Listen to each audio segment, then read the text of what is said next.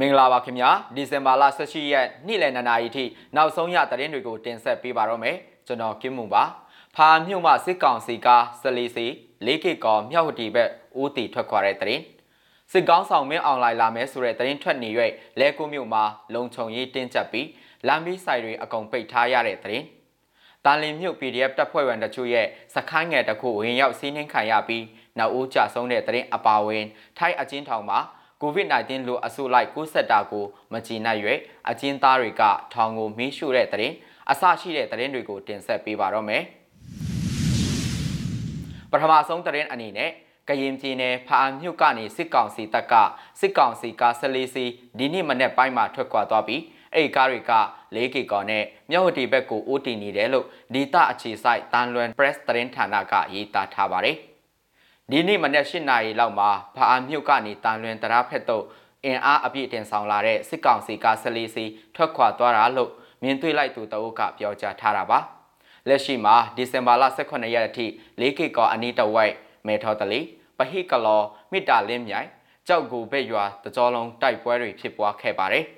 မနေ့ကဒီဇင်ဘာလ18ရက်ကလည်း KNU နဲ့ PDF တို့ပူးပေါင်းကကရင်အမျိုးသားအစည်းအရုံး KNU တတ်မဟာတင့်နယ်မြေထဲမှာရှိတဲ့ BGF 1073တပ်စခန်းကိုထိုးစစ်ဆင်ခဲ့ပါသေးတယ်။မနေ့6နာရီကနေညနေ9နာရီထိဖြစ်ပွားခဲ့တဲ့တိုက်ပွဲအပြီးမှာတော့ BGF စခန်းကိုတင်ယူနိုင်ခဲ့တယ်လို့ KNU ဘက်ကထုတ်ပြန်ထားပါတယ်ခင်ဗျာ။နောက်ထပ်သတင်းအနေနဲ့လဲကူးမြို့နယ်အင်နိုင်အုပ်စုရှိဇီးဟောင်းဖျားတဆူဖြစ်တဲ့ကြိုက်ဒီဝိဖျားထီတော်တင်ပွဲသို့အာနာသိန်းစစ်ကောင်းဆောင်မင်းအောင်လိုက်လာမဲဆိုတဲ့သတင်းထွက်နေ၍ ဒီနေ့ဒီဇင်ဘာလ18ရက်မှာလမ်းတစ်လျှောက်နဲ့မြို့ထဲမှာလုံခြုံရေးတင်းကျပ်စွာချထားကြောင်းမြို့ခံတွေထံကသိရပါတယ်။ထီတော်တင်ပြီးရတရာလာချီတာနေမယ်။သူလာမယ်ဆိုလို့လမ်းတွေလည်းပိတ်ထားတယ်။တမြို့လုံးစစ်သားတွေအပိလမ်းဘေးဆိုင်မှန်သမျှအကုန်ပိတ်ထားရတယ်လို့မြို့ခံတွေကဆိုပါတယ်။ကြိုက်ဒီဝိဖျားဟာစီဟောင်းသမိုင်းဝင်ဖျားတဆူဖြစ်ပြီးရတရာကြောင့်သာလာချင်းဖြစ်နိုင်တယ်လို့မြို့ခံတချို့ကမှတ်ချက်ပြုနေကြပါတယ်။ဒီနေ့မနေ့ကစတင်က စစ်ကောင်စီတပ်ဖွဲ့ဝင်တွေကကြိုက်ဒီဝိဖျားတီရှိရာအမှတ်နှစ်လမ်းဇရက်ကွန်းဆောင်လမ်းမှစားတလင်းလမ်းဆောင်နဲ့ပခိုးရန်ကုန်လမ်းမှ0မိုင်မှာရန်ကုန်အဝင်ယာယီပိတ်ထားပြီးလဲကူးမြို့မှာလည်းလုံခြုံရေးတင်းကျပ်နေတယ်လို့ဒီတပ်ခန်တွေထံကသိရပါတယ်ခင်ဗျာနောက်တပုတ်အနေနဲ့ရန်ကုန်တိုင်းတန်လင်းမြို့နယ်ပြည်သူ့ကာကွယ်ရေးတပ်ဖွဲ့ရဲ့စခန်းငယ်တစ်ခုကိုစစ်ကောင်စီကမနိကမနေ့ပိုင်းမှာဝင်ရောက်စီးနင်းပြီးအပြန်အလှန်ပစ်ခတ်မှုတွေလည်းဖြစ်ပွားခဲ့ပါတယ်။ စခိုင်းငယ်တင်းစိမ့်မှုဖြစ်စဉ်အရင်ပြည်သူ့ကာကွယ်ရေးတပ်ဘက်က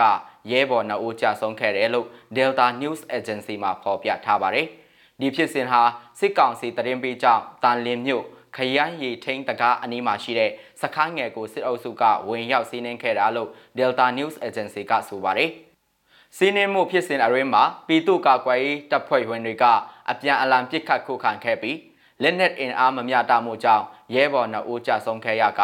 ၃ဦးဖမ်းဆီးခံခဲ့ရတယ်လို့ဒေတာရင်းຫນွေဦးတော်လိုင်းရေးသတင်းတွေကိုဖော်ပြနေတဲ့ Darlin Informations မှာဖော်ပြထားပါတယ်။မနေ့ပိုင်းက FF မှာပြစ်ခတ်မှုတွေဖြစ်တဲ့ကြားတဲ့ပြီးမှ PDF စခန်းကိုဝင်စီးတာလို့ပြောတယ်။ဖမ်းခံရတဲ့၃ယောက်မှာတစ်ယောက်ကအဖမ်းမခံချင်တာမို့ကိုကိုကိုတတ်တည်သွားတယ်လို့လည်းကြားတယ်။လုံခြုံရေးတော့တိုးချထားတာတွေ့တယ်။အဖက်မှာကနည်းနည်းဝှေးတယ်လို့တာလင်မြုပ်ခံတအုပ်ကပြောပါရယ်။ဖမ်းဆီးခံရဲဘော်၃ဦးအနက်တအုပ်ဟာ ဖမ်းဆီးခြင်းမခံလိုတာကြောင့်ကိုကိုကိုအဆုံးစီရင်သွားခဲ့တယ်လို့သတင်းတွေထွက်ပေါ်ခဲ့ပြီးမြဲလဲတေချာအတီမြုပ်နိုင်ခြင်းတော့မရှိသေးပါဘူး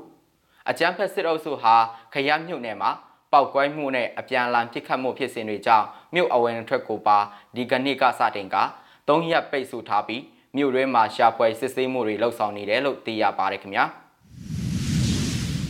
နိုင်ငံတကာဘက်မှာတော့ထိုင်းနိုင်ငံတောင်ပိုက်ကကာရာဘီအကျဉ်းထောင်မှာထောင်အရင် COVID-19 လိုအဆူလိုက် ကူးဆက်ဖြစ်ပွားတာကိုမကြေမနက်ဖြစ်ရကနေအကျဉ်းသား400ကျော်ထက်မနည်းစိုးပူအောင်ကြွကြပြီးထောင်အဆောက်အအုံကိုမီးရှို့ကြပါတယ်။ထောင်သား2100လောက်အကြမ်းဖျင်းအားဖြင့်ရှိတဲ့လူပြည့်သိမ့်နေတဲ့အကျဉ်းထောင်မှာ COVID-19 ကူးစက်ဖြစ်ပွားသူတွေအတွက်ပုံမကောင်းမွန်တဲ့ကျန်းမာရေးစောင့်ရှောက်မှုပေးရေးတောင်းဆိုရင်းခုလိုထောင်အဆောင်ကိုမီးတင်ဆိုကြတာဖြစ်ပါတယ်။ COVID-19 ကူးစက်ဖြစ်ပွားသူတွေကိုကုသစောင့်ရှောက်ဖို့အတွက် အဆောင်ကနေခွိုက်ပြီးထားရှိဖို့အရေးအုပ်စုတစုကတောင်းဆိုရာကနေကြာတပတိနေ့ညပိုင်းမှာစူပူမှုဖြစ်ပွားခဲ့တာလို့တရားရေးဝန်ကြီး Sobset တဆူတင်ကပြောပါရယ်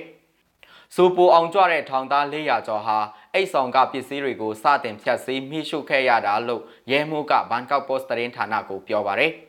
ထောင်နိုင်ရာကိုကြော်တက်ဖို့စူးစမ်းတဲ့ထောင်သား3ဦးကရာဘာဂျီထိမှန်တန်ရာရပြီးလူတီဆုံးမှုမရှိကြောင်းသိရပါတယ်